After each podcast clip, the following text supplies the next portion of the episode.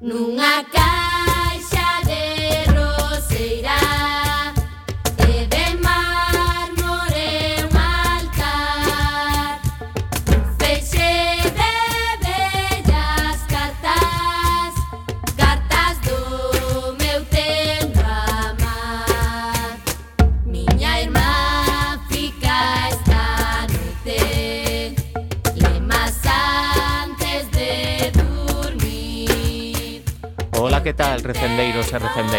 Benvidos e benvidas a este espazo radiofónico semanal adicado á cultura que facemos en rigoroso directo todos os martes ás 7 da tarde aquí no 103.4 desta emisora Cuac FM da Coruña.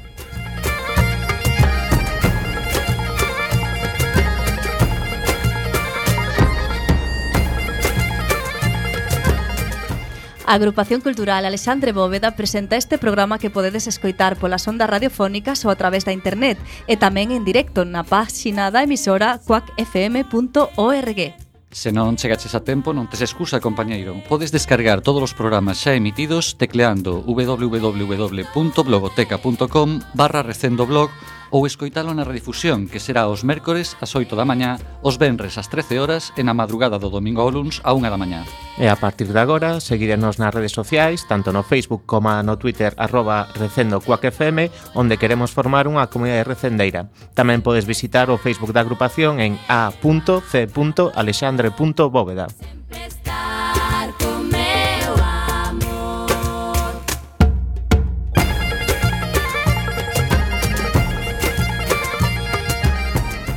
E xa sen máis imos caraló na procura desta fantástica aventura cultural con Roberto Catoira no control técnico e falándolles coa Almanteira, Javier Pereira, Antonio Brea e Marta López.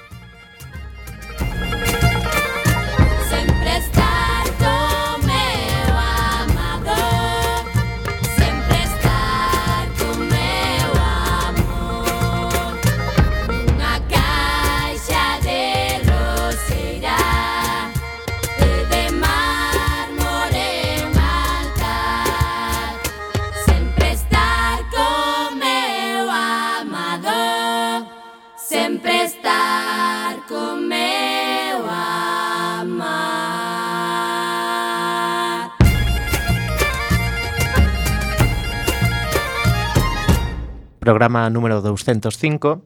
Contaremos como convidados con Marcos Nine, director de A Viaxe de Leslie, e Daniel Arias, co-guionista tamén desta mesma película documental galego con seis dominacións aos premios Goya e que trata sobre a morte do actor inglés Leslie Howard durante a Segunda Guerra Mundial nun extraño accidente aéreo en Cedeira. Teremos a sección de feminismo a cargo da nosa corresponsal Victoria Louro e falaremos das actividades da nosa agrupación e das outras cousas que se fan na Coruña e na Galiza e que tamén son cultura. En canto á música de hoxe, xa que imos falar de historias dos anos 40, imos escoitar música do grupo Marful, que intentou lembrar os salóns de baile daqueles tempos. No ano 2006 editou o seu primeiro disco do mesmo nome que o grupo. Presentamos agora a primeira peza titulada Tris Tras. Thank.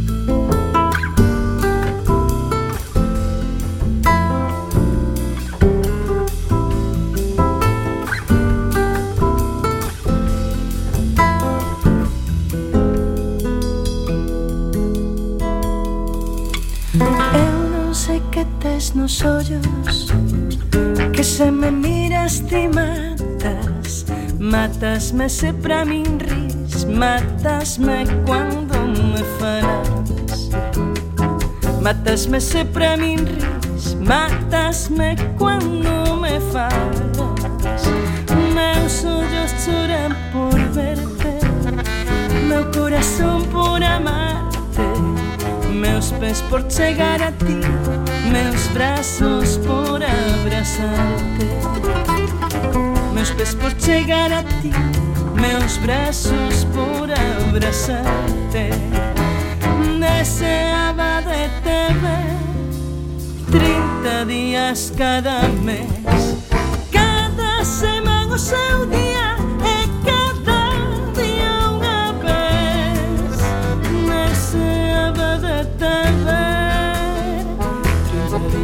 Cada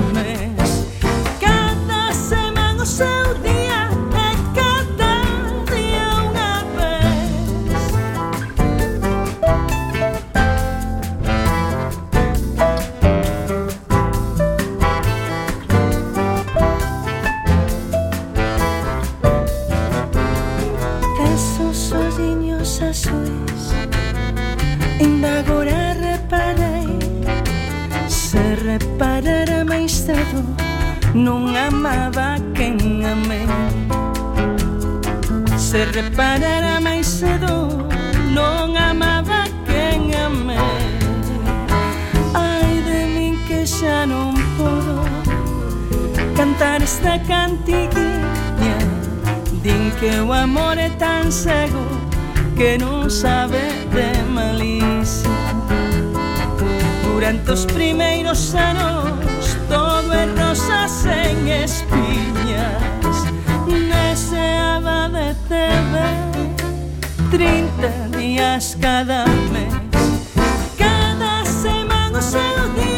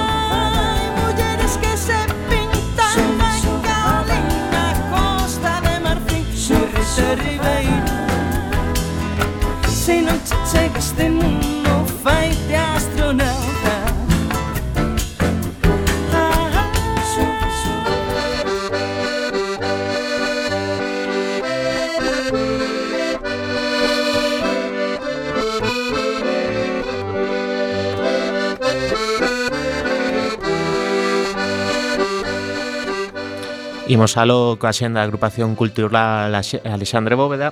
Comezaron os cursos de xadrez 2015-2016 dirixidos por Yelena Collar que se desenvolverán os martes, mércores e xoves de 6 a 8 da tarde. Tamén comezou o taller de teatro 2015-2016 dirixido por Xoan Carlos Mexuto que se desenvolverá todos os luns, mércores ás 8 e media no Salón de Actos da agrupación. Están ensayando pezas breves de Álvaro Cunqueiro. Como habitualmente, todos os venres polo serán, organizamos xunto coa Asociación eh, de Veciños da Agradorzán no seu local da Rúa Entre Peñas os cursos de baile tradicional, pandeireta e canto tradicional entre as 18.30 ás 21.30 a diferentes horas e con tarifas variadas. O xoves 26, Rosario Martínez dará unha charla e proxectará fotos de Sofía Casanova. Será ás 20 horas no Salón de Actos.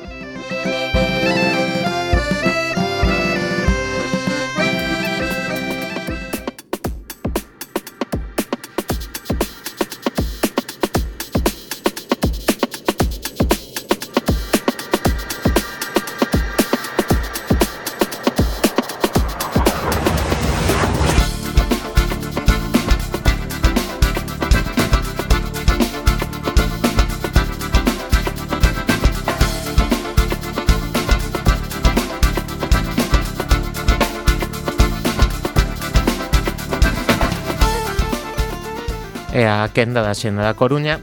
Comezamos con teatro no Fórum Metropolitano os días 26, 27 e 28 ás 9 podemos ver Fraude da compañía Sudhum Teatro. Os intérpretes serán Rebeca Vecino, Denis Gómez, Nicolás Gaude e Xara García baixo dirección de Gustavo del Río. Dan vida á historia de Elmir de Ori, o máis famoso falsificador de cadros do século XX. O Benres 26 no Teatro do Andamio ás 21:30 spin-off de Os Dugis Impro. Unha escritora ten un compromiso urxente coa súa editorial. Necesita presentar a súa obra de inmediato e serán vostedes, o público, os que propoñen as tramas e o argumento. Un espectáculo de improvisación teatral dentro do estilo long form. Esta fin de semana preséntase a primeira edición do Festival 15 Gotas, un encontro cultural no que a danza emerxe en concorridos espazos públicos da Coruña coa súa particular fugacidade, incorporando a choiva como un atributo definido e non un impedimento. Os artistas teñen a clara intención de bailar na rúa faga o tempo que faga. Comeza o Benres 27 ás 20 horas na, 21 horas, perdón, no Obelisco. O festival dura ata o domingo en distintos emprazamentos da cidade e participarán bailaríns da compañía Entre Mans, que coordina o festival, e outros invitados como Ruth Balbís, Lisbeth Barcia, Jordi Vilaseca ou Ángela Blanco. O Benres 27, no Baba Bar, ás 10, actúa Alfredo García Quintet, a banda formada por Alfredo García a guitarra, Iago Mourinho ao piano, José García ao saxo, Pablo Samabede ao contrabaixo e Bruno Couceiro a batería, que ofrecerá un concerto non que, no que interpretarán temas propios e algúns estándares do jazz. E ata o 30 de novembro no local Pao de Toxo, as artistas Ana Soler e Llano Lloro entrelazan Xapón e a Costa da Morte. Os seus cadros están en sintonía cos haikus que escribe Francisca García, unha mestura curiosa de paisaxes galegos e niponas.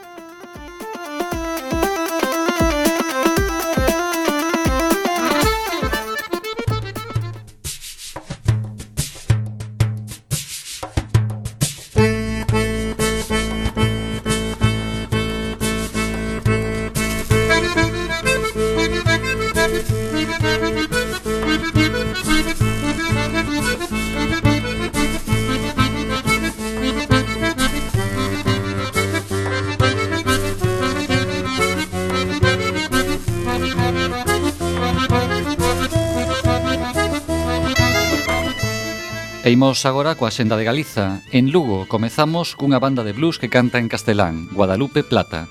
Perico de Dios, a guitarra e voz, Carlos Jimena, a batería e Paco Luis Martos, o baixo e barreño, desempoaron o envite tradicional afroamericano.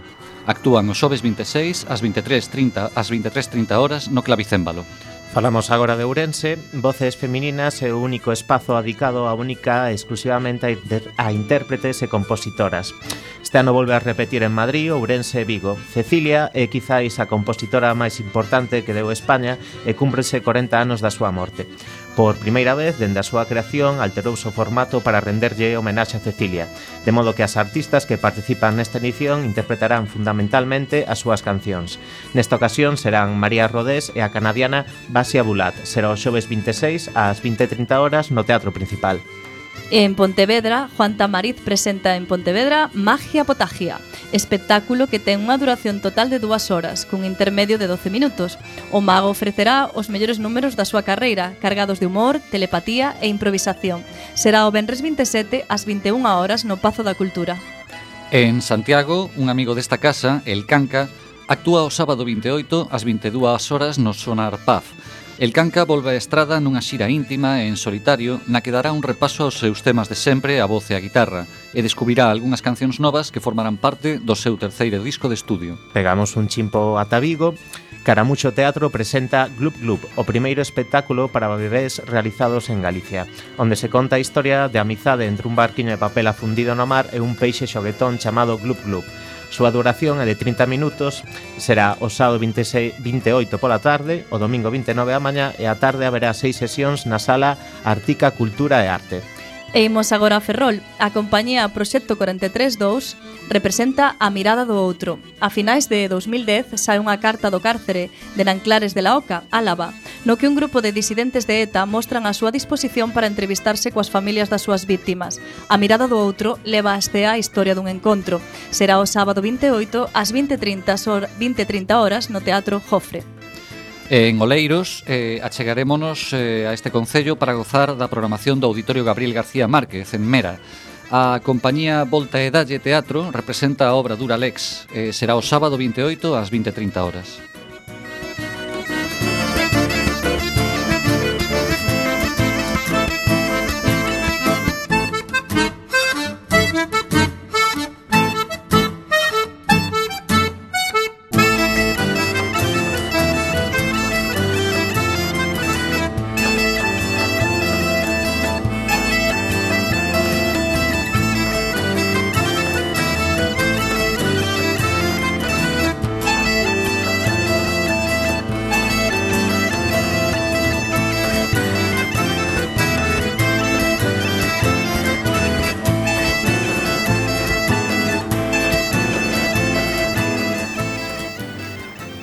de xuño de 1943, un avión comercial era derrubado por dous cazas nazis en fronte das costas de Cedeira. Un dos pasaxeiros era o actor británico Leslie Howard, que o gran público lembrará pola súa participación en Foise Covento, interpretando a Ashley Wickles, namorado de Escarlata O'Hara. Os motivos do ataque seguen sendo descoñecidos, aínda que non faltan teorías. Hai quen di que foi un erro froito da confusión. Tamén os que opinan que o obxectivo non era o coñecido actor, e pola contra, os que creen que Leslie Howard era un espía encargado de convencer a Franco de que non se unise ás potencias do eixo.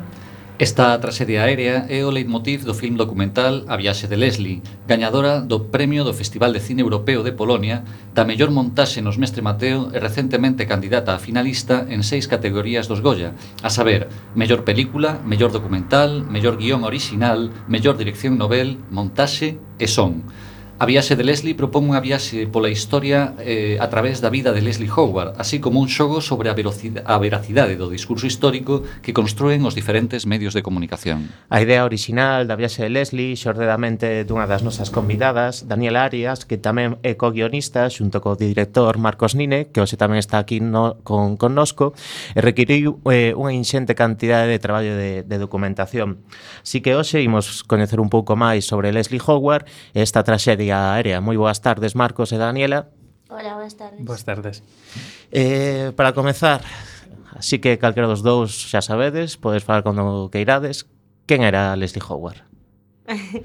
bueno, pues Leslie Howard eh, foi un dos actores británicos máis importantes da, da súa xeración. Eh, casi toda a xente o coñece polo seu papel de Ashley Wilkes na peli de Fuise Covento que facía como do buenazo ao carón de Clark Gable que era así o canalla que lle molaba a escarlata pero bueno. E um, aparte de Fuise Covento fixe outras pelis así reseñables como pode ser eh, Pimpinela Smith, Pigmalión e, um, e foi un nome moi interesante porque um, ademais de actor, pois, eh, ao longo da súa vida desenvolveu un gran compromiso um, antinazi, el era de, a súa eh, era de orixe xudeu, e no momento álxido da súa carreira despois de facer Foise Covento pois deixou todo e volveu ao seu deixou Hollywood e volveu ao seu Londres natal para empezar a facer pelis propagandísticas antinazis. Ese era Leslie Howard así a grandes rasgos.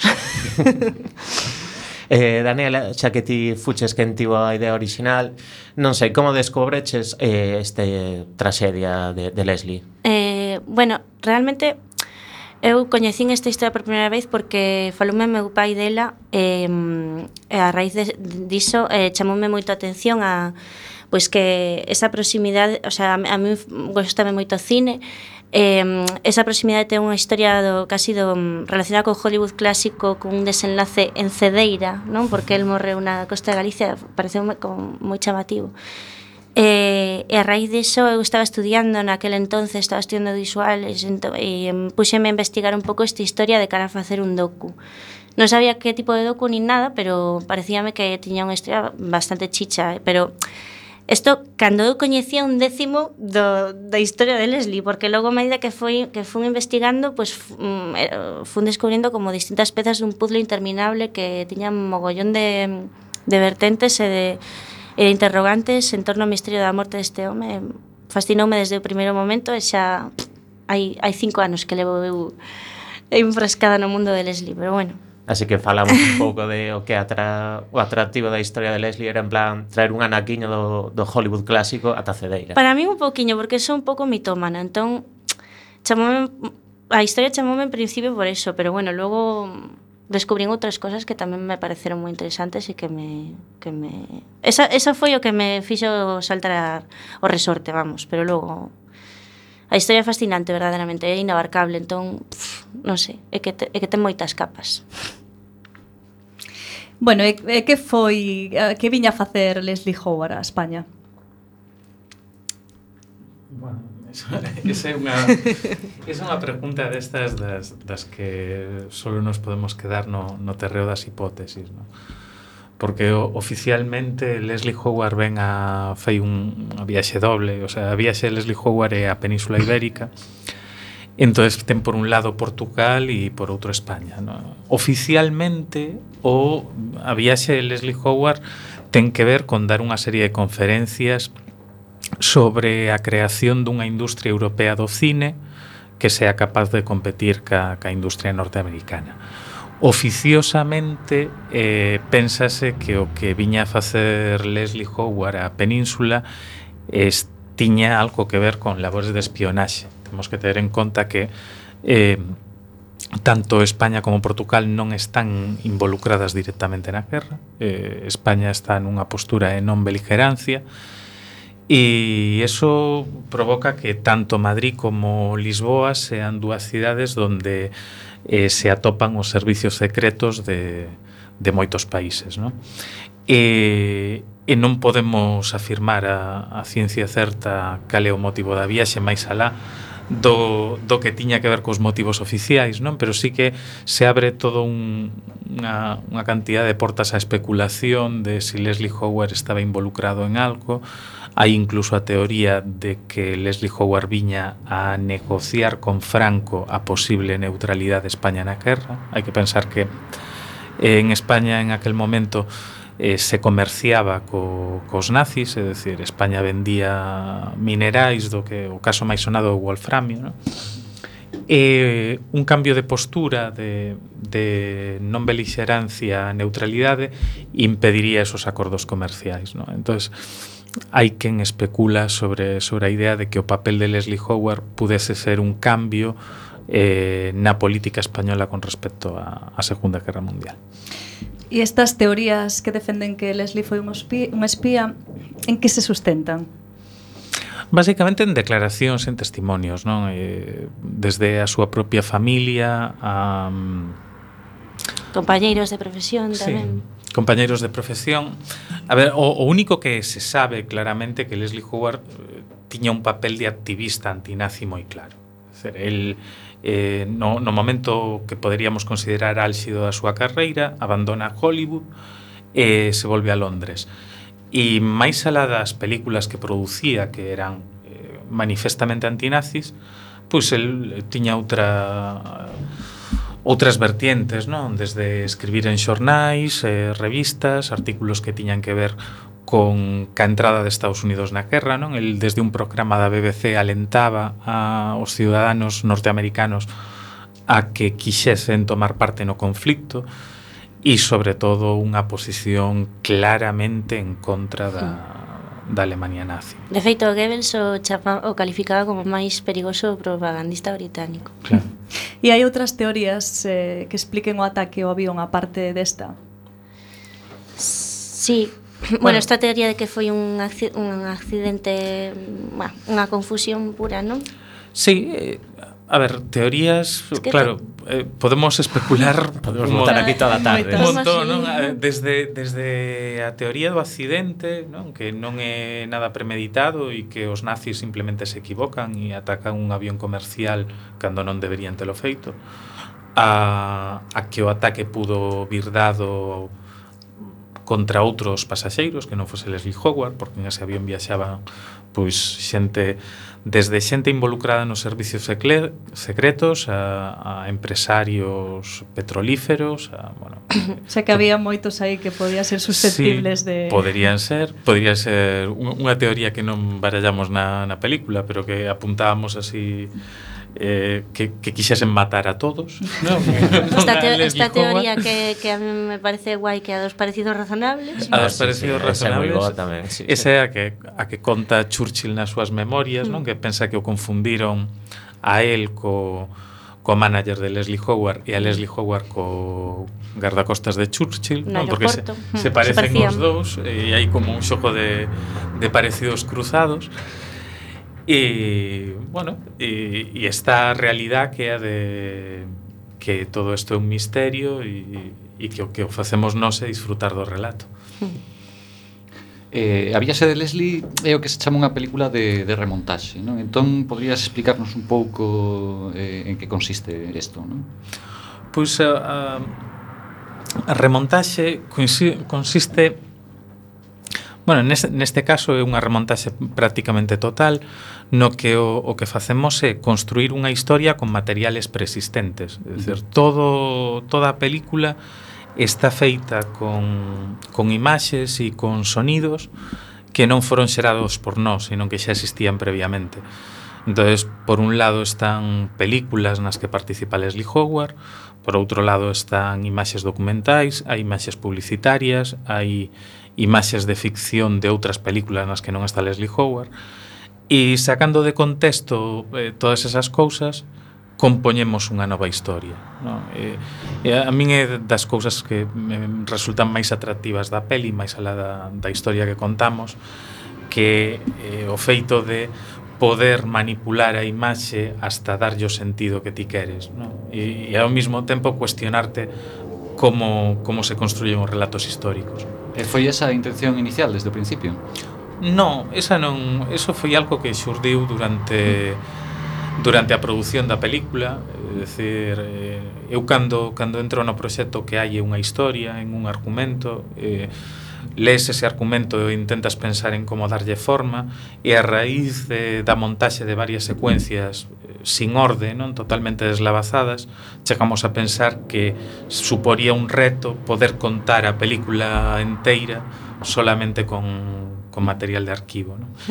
E despois, a medida que vas traballando, eh, se che van xerando lecturas na túa cabeza. É decir, para min é moi importante cando traballo poderme explicar a min mismo que é o que estou facendo en ese traballo. Non?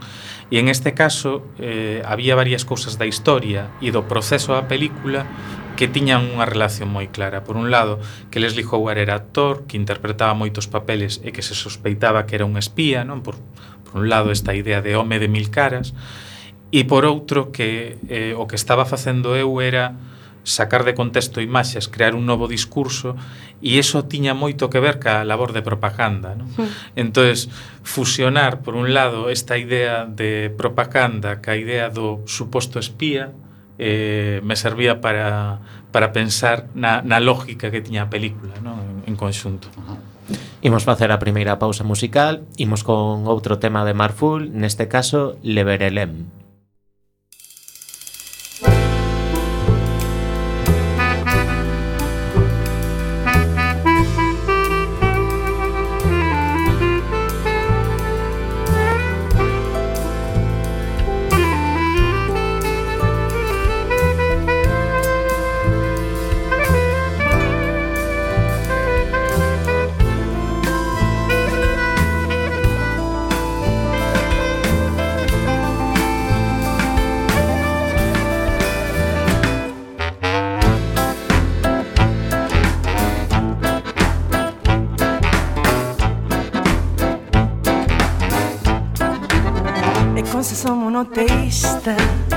pensar que existe unha só solución é un conceito banal.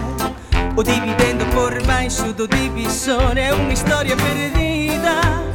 A coherencia de grande pensador é un debate sen límite. Como facer a perfeita revolución é un debate sen límite. Como facelo perfeito é moito definitivo. Unha xanela tapiada na habitación é altamente agradável Coñecer un valente que teña valor de feito é habitual. Non dizer nada novo na conversación é un debate sen límite. Como facer a perfeita revolución é un debate sen límite. Como facelo perfeito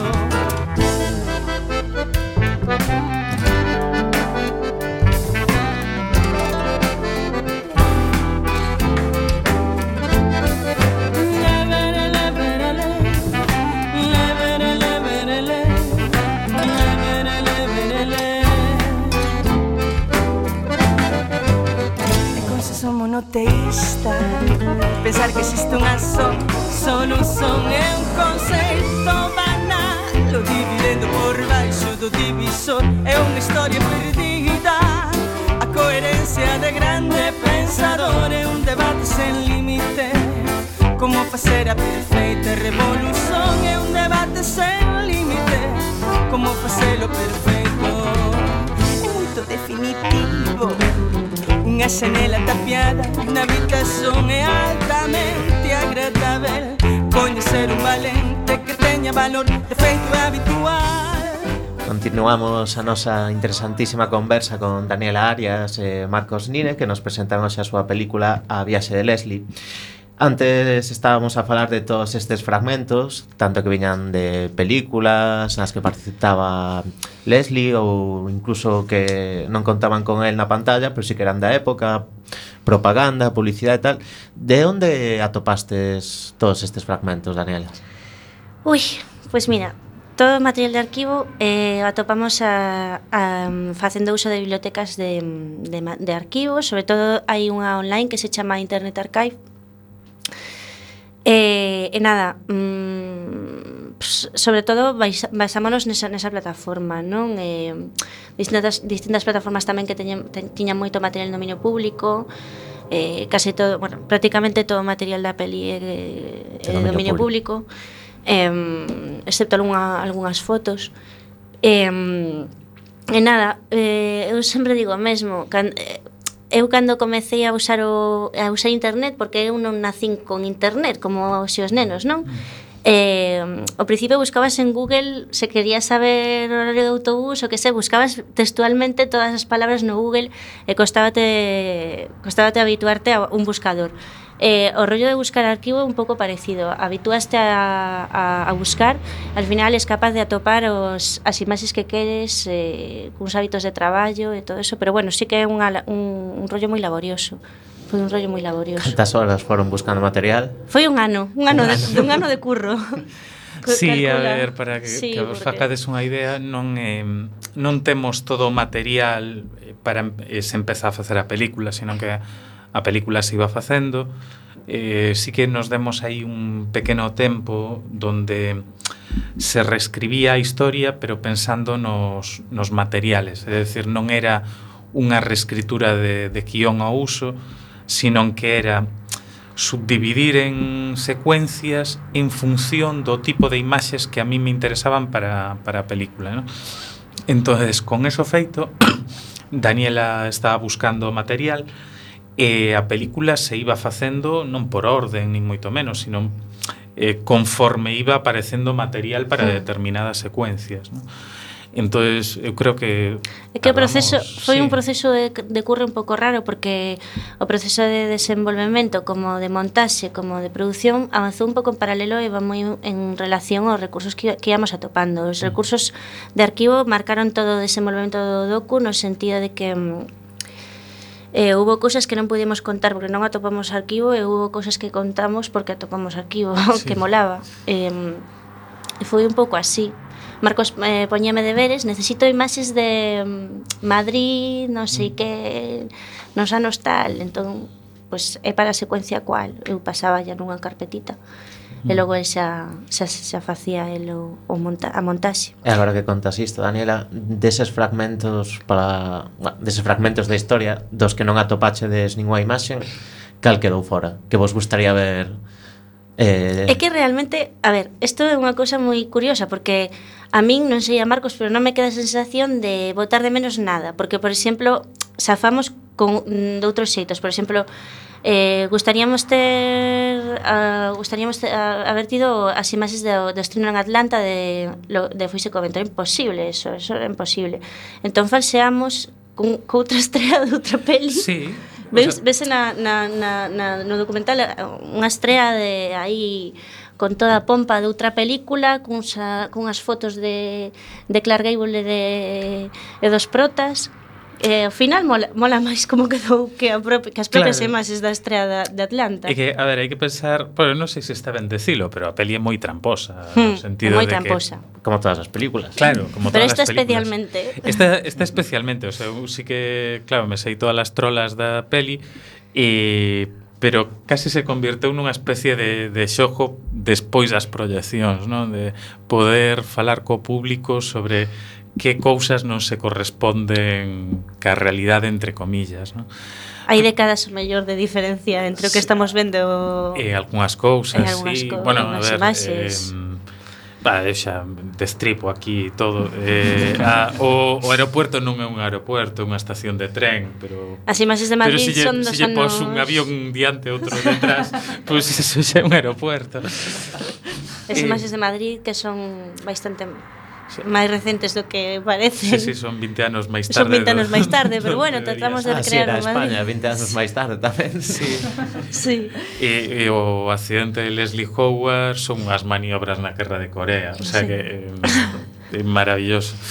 Pero esta magia que ten o cine, non? Que de repente si, si ti eres capaz de de atopar unha correlación entre os planos, eh, a, o espectador fai o resto, non? Entonces en esta película eh, hai moitas imaxes hai anacronismos, hai imaxes que non se, que non se corresponden, pero que encaixan dentro desta idea de, de, de collage e de xogo. Mm. Tamén un reto para vós como creadores. Claro, mm. eh, lóxicamente calquer espectador sabe cando ve a película, eh, empezamos vendo a morte de Leslie Howard, que nadie filmou a morte de Leslie Howard, pero nós témola na, na película, somos capaces de recreala, e así como recreamos a morte, podemos recrear un montón de, de escenarios que si ben teñen unha base real, eh, están contados como unha ficción. Hai que pensar que que dentro da propia película eh, danos a impresión de estar vendo a Leslie Howard, pero en realidad non estamos vendo a Leslie Howard, estamos vendo a Leslie Howard interpretando un papel ou moitos papeles en outras películas. Mm. Cando en realidad o que vemos nos dá a impresión de que estamos vendo el mismo. ¿no?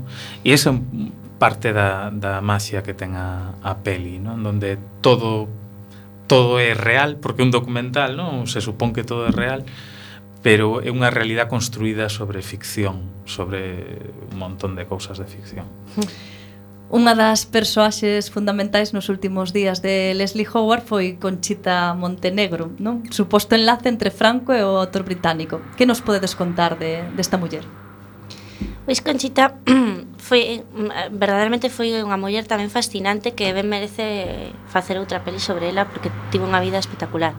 Eh, ela foi unha das primeiras actrices españolas en chegar a Hollywood, comezou eh, facendo pelis en, en español, eh, nada, foise introducindo un pouco na, na industria e coñeceu a Leslie Howard na rodaxe dunha peli que se chamaba Prohibido, rumoreábase que foron amantes, o, o que si sí é certo é que Leslie era un, era un galán, ela era guapísima, eh, mantiveron unha, unha relación estreita mm, tanto na, no, no periplo de, mm, de Conchita en Hollywood como, como ao longo do, do resto da súa carreira que ela acabou voltando a España. E hai quen sostén, bueno, Conchita estaba moi ben relacionada co, co réxime, de feito casou con cun falanxista, non me acordo como se chamaba. Sí, cun Jiménez Arnau. Eh, entón hai quen di que, que Conchita era o lazo entre, entre Leslie e Franco, non? Nesa, nesa, espe, nesa teoría especulativa de, de que Leslie viña aquí a falar con Franco para para mm, conseguir a neutralidade. Sí, mm. bueno, de feito que se ve no... Bueno, O, o, o que sabemos da visita de Leslie a Madrid que estuvo con Conchita Montenegro e tampouco podemos saber máis a ciencia certa, non, non sabemos si, si efectivamente foi enlace entre entre Frank con entre Leslie e Franco, o que si sí sabemos é que si sí se viron en Madrid e que sí que Leslie Howard estuvo bastante tempo desaparecido en Madrid, ¿no? O que o que abre as portas a a todo tipo de teorías ¿no? con, con respecto a eso. Imos facer outra pequena pausa nesta conversa, pero esta vez imos coa sección de femini feminismo, escoitada agora mesmo a sintonía. Ay, ah, ay, la la la, ay, ah. Ai, santa muller que me escoitas Escoita ben tu que trae a resposta costa. Ai, santa muller que non lembras? Escoítate a ti que xa razón. Ai, santa muller Boas tardes, Victoria. Hola, moi boa tarde. Que nos contas hoxe? Pois hoxe mm, estamos na víspera do que será o 25 de novembro E, bueno, pois un grupo de mulleres que formamos parte dun, dun grupo de acción local que lle chamamos contra a violencia machista, acción feminista da Coruña, e que levamos xa mm, casi dous anos saindo á rúa cada vez que matan unha muller na Galiza o día seguinte de que se publique nos medios escritos pois concentrámonos en autoconvocatoria no obelisco non para denunciar estes asasinatos E mañán farémolo porque queremos homenaxear a todas e cada unha das mulleras que acotío sufrimos violencia machista. Entón, coa acción que imos desenvolver mañán, o que pretendemos é denunciar este feminicidio e mm, incido en feminicidio porque queremos socializar este, este termo, non? Eh, en un pleno da cidade da Coruña, pois o PP recordounos que Galiza non é cidade Juárez, cando falábamos de feminicidio, Pero nos queremos lembrarlle que estes asesinatos suceden en todas as sociedades do mundo, porque matan a mulleres en Galicia, matanas en Portugal, no Estado español, en Europa e no mundo. Eh, simplemente porque non estamos diante dun fenómeno cultural ou de clase social, non? A machista, a violencia machista é transversal e afectanos a, a todas. Ademais, eh, estas vidas hai que tener en conta que non teñen o mesmo peso, nin a mesma importancia, nin siquiera a mesma resposta que tratarse de outro tipo de terrorismo. É dicir, non hai ningunha comparecencia por vía de urxencia de ningún presidente, nin do goberno da Xunta, nin do Estado español, e tan só ocupan uns minutos de silencio institucional. Pero son tantos, tantos os asesinatos que a sociedade parece que está insensibilizada, non? E que asumimos de xeito normalizado un novo caso de, de terrorismo machista. Entón, mañán estamos na rúa porque queremos eh, que esta situación que é insostible para as mulleres cambie e porque máis é, é parte de, ca, de, da responsabilidade de cada un de, de cada un e cada unha de nós. Queremos um, mañá visibilizar que rexeitamos isto e que toda a sociedade entenda que son as nosas vidas as que están en perigo é dice que as mulleres non lle pertenecen a ninguén, e que non imos estar caladas, que non queremos minutos de silencio cada vez que matan a unha muller, senón que imos salir á rúa todos os días que fagan falta, pero pedindo xusticia, loitando pola igualdade e polo respeto, e sobre todo contra os valores patriarcais que son o que son os que perpetúan e consolidan esta na sociedade esta esta violencia sexista.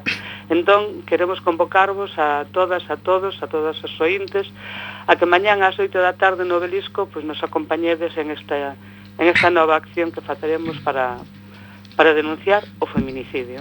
Pois ali estaremos Victoria mañá, todo o mundo que quera participar deste acto, será ás 8 no, no obelisco. No obelisco. Pois sí. moitas gracias Victoria. Moitas grazas a vos. Eh, seguimos en contacto. Grazas, moitas grazas. Continuamos ca nosa entrevista a Daniela Arias e Marcos Nine que nos están falando da viaxe de Leslie. Bueno, despois de todo de todo que traballastes neste documental, cal é a vosa teoría para a morte de Leslie? Eu non... É a mesma, discrepades. directamente non me, non me pronuncio. Eu tampouco.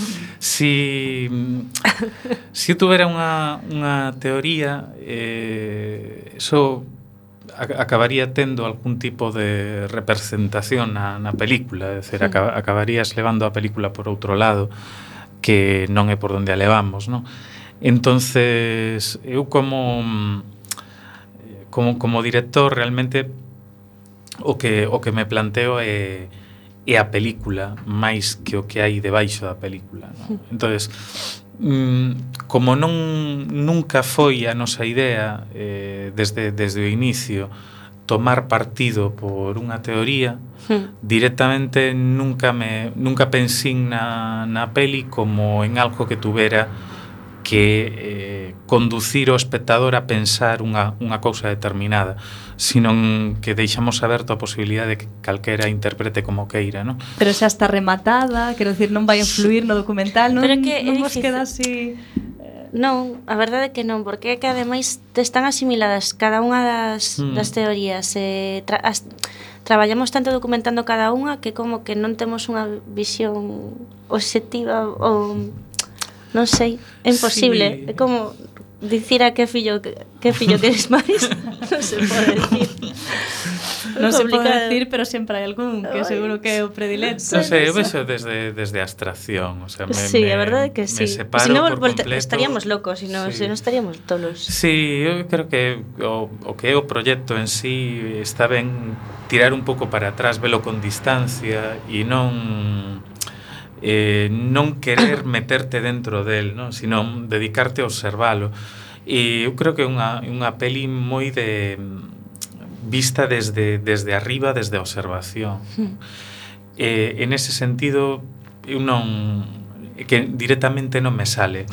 Me, me, me sale pensar eh, nas formas, me sale pensar que, que cousas che gustan contar máis da peli ou menos, me gusta Eh, falar do, do concepto da película, non? De, e son todas que son cousas que están na peli pero que ti podes falar delas desde mantendo a peli unha certa distancia. Eh, agora que dis Marcos o de falar dende certa distancia, vos xogastes un pouco a ser pequenos deuses, cando dis en plan, collo estas imágenes que son dos sí. anos 60 sí. e fago que sexan Madrid nos anos 40, mas tamén iso influe un pouquiño, non? Sí, sí, sí, claro que está eh, visto desde aí, non? Ou me, me, pla me planteo eso cando mm, cando xa tomamos a decisión entre todos de isto de vamos a facer a peli cun archivo, a partir de aí eh, as a xente que aparece, as teorías e todo eso deixan de ser personas humanas, así entre comillas, para convertirse en personaxes de algo, non? Hmm. personaxes dunha creación. Entonces, eh, ti asumes o, o rol de, de poñer a cada un dentro da creación e non, non, de, non de xuzgalo, sino que de, de intentar ver por onde discurren os seus comportamentos e desde logo de non tomar partido no, De, hmm. por eles. Eh, a pesar desa distancia que queres eh, manter, non? Mm. Pero tamén a pregunta pa, máis pa, quizáis para Daniela, eh, despois de tanto tempo, non, investigando sobre mm. Leslie Howard, que, que relación estableceches con, con Leslie Howard? E como se realmente sintes que, que pues, chegaches a coñecelo? Non, a verdade é que non. A verdade é que me quedo como o primeiro día. no, porque non sei, sí, bueno, realmente pff, tiven unha especie de relación, supongo que a Marcos pasará yo mesmo, cando estáis, estás tan metido na vida dun personaxe acabas mantendo unha relación como de amor-odio, non? Uh -huh. Pero bueno, realmente que era un hombre como moi complexo, verdad? Tiña unha, unha personalidade con moitas capas, eh, pouco accesible incluso para a súa propia familia, con moitas luces e sombras, un tío moi interesante e, e a vez um, con certa opacidade, certo misterio. Eh, Sí, bueno, na, podes dicir que, que coñe, coñecemos a Leslie, pero superfi, un pouco casi superficialmente, non? Sí, creo que vai na, na tónica xeral do, do personaxe, non? Non é un personaxe eh, que sea mm, que sea moi transparente, non? Mm. Eh, eu sí me, me quedo co, ca parte activista, me quedo con, con valores que, que me parecen moi interesantes, non? Me quedo con que alguén eh, poña por diante os intereses, os que el considera os intereses do seu país, os intereses europeos, os poña moi por enriba, os intereses como xudío tamén, non? moi por riba do, do seu éxito profesional. Non? Eh, a min eso me, sí que me parece moi destacable. E, e te quedas con, con eso e con, con pequenas cousas. Non? Eu creo que cando, cando ti levas tanto tempo nun, nun proxecto e pasa moito no, no documental pensando en que estás falando de, de personas que existen non? e que non son invencións que cando acabas un, un proyecto eh, unha parte desos personaxes se quedaron contigo mm hmm. eh, non sabes despois despois cos anos acaban salindo por outros lados non pero eh, sempre hai unha parte desas persoas que dentro da pantalla pasaron a ser personaxes que se quedaron dentro de ti de alguna forma, non? E asimilastes algo deles por todo o tempo que pasastes vendos diante, escoitándos e intentando comprender as súas razóns e as súas motivacións para facer cousas, non? Entonces, máis alá do, do que é obvio e que podo decir, non? Como, como eso, como que envidio eh, o papel activista de, de Leslie Howard e que me parece algo moi a resaltar da súa figura, Estou seguro que hai moitas máis cousas das que uno non son consciente e que están aí hmm. e que e que o mellor a calquera de nós en calquer momento nos dá un rabalazo de outra cousa e acabas pensando, hostia, isto foi como Leslie Howard de, hmm. de hai anos, non? Eh, na súa faceta interpretativa, máis alá de Foise Covento, que, que película recomendarías tan, xa que manexaches tantas tantas imaxes? De... Eu son fan absoluto de Pigmalión. Mm sí, a min é a, é a película que, que máis me gusta e na que creo que el eh, ten un, un papel como actor eh, menos encasillado é dicir, non, non é o, o galán é, é o galán da película pero ao mesmo tempo ten un montón de, de registros dentro da mesma peli no?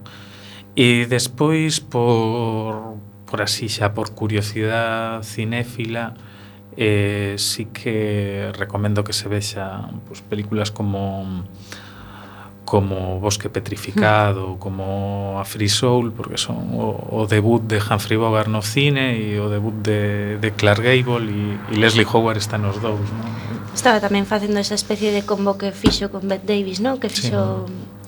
Sí, Era que, como a súa parella. O, o que pasa é que de cautivo el deseo non me dá para recomendar. Pero bueno. E ti, Daniela, con cal quedas? Eu con Bosque Petrificado, ah. sí. E aproveitamos sí. que está aquí Antonio, que tamén é bastante cinéfilo, te caldís. Estou de acordo, sobre todo, que o Bosque Petrificado é unha película extraordinaria. Eh. Ah, se eu levo a contrario quedo cos invasores, que son moi Estupendo. fan de Michael Powell. Moi ben. Eh, e do cine de aventuras, eh, en xeral. Eh, agora unha curiosidade, un non sei se vos preocupa ou vos gustaría que algún familiar de Leslie se que queda algún vivo, que supoño que sí, vise a película. Tedes aí... Deuna un sobrinho xa. Sí, sí, sí. sí, sí, sí. Eh, falastes con el? Sí, sí, sí. Eh, cal foi a súa impresión? Pa, está encantado, sí. encantado a película, sí. Un sobrinho que vive en Vigo, además. Sí, sí. vive en Vigo, Patrick Gerasi. Hmm. E, e claro que xusto pois, a nai deste, deste home, que é sobre John Leslie Howard, cenou con Leslie Howard a, a noite antes de morrer. Mm. E, traballaba en, en Lisboa. E, e foi, foi unha emoción moi grande ver a, a película. E, bueno, a, a, a súa reacción foi, foi de, de moita felicidade. Non? Entón, eh, son estas pequenas satisfaccións que te levas, non? Cando cando fas as películas, despois eh, cando ves que a xente implicada pois eh, mm. reacciona tan ben, dis, bueno, pois non nos equivocamos de todo, non? Claro. Con, mm. co que fixemos. Imos facer a derradeira pausa musical, outra vez Marful, neste caso Pido tal vez.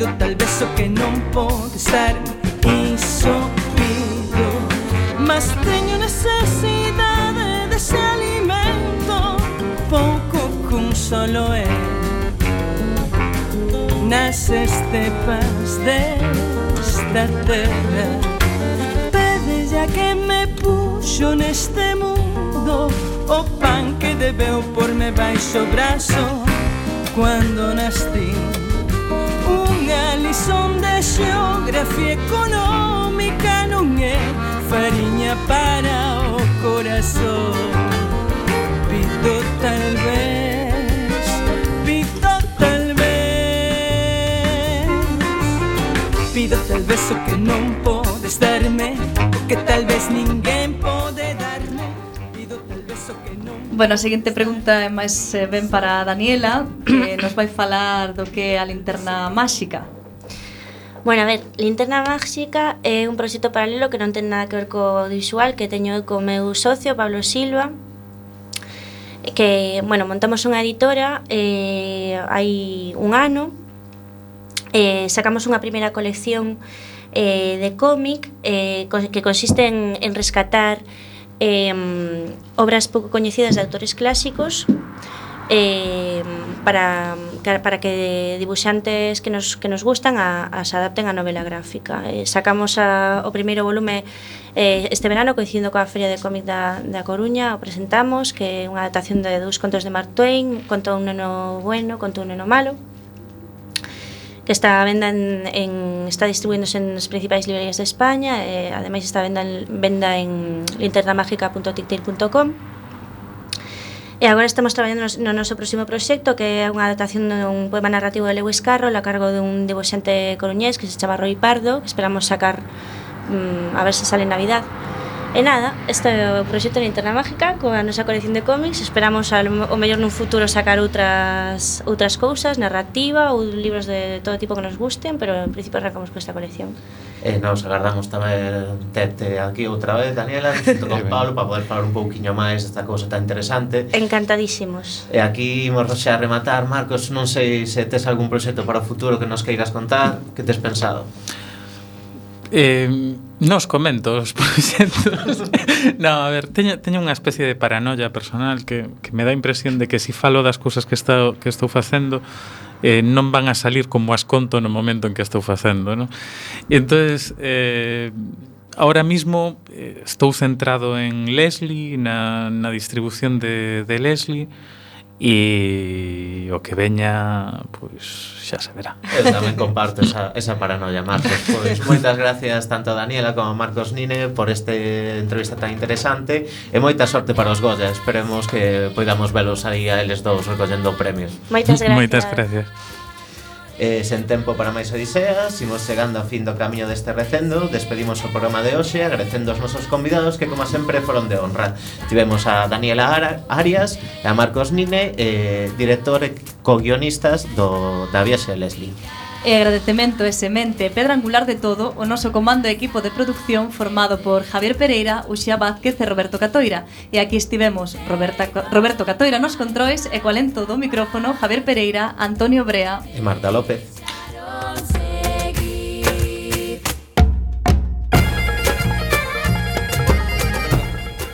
acompañándote neste recendo de palabras e de imaxes radiofónicas que nos traen este aroma cantando na nosa lingua e que nos permite hoxe e tamén no futuro a permanencia da palabra, da música e da implicación e o compromiso coa nosa nación, a Galiza. Ate o vindeiro martes ás 7 da tarde en directo nesta emisora Coac FM da Coruña. Xa sabedes, recendo as mil primaveras que terá o noso idioma.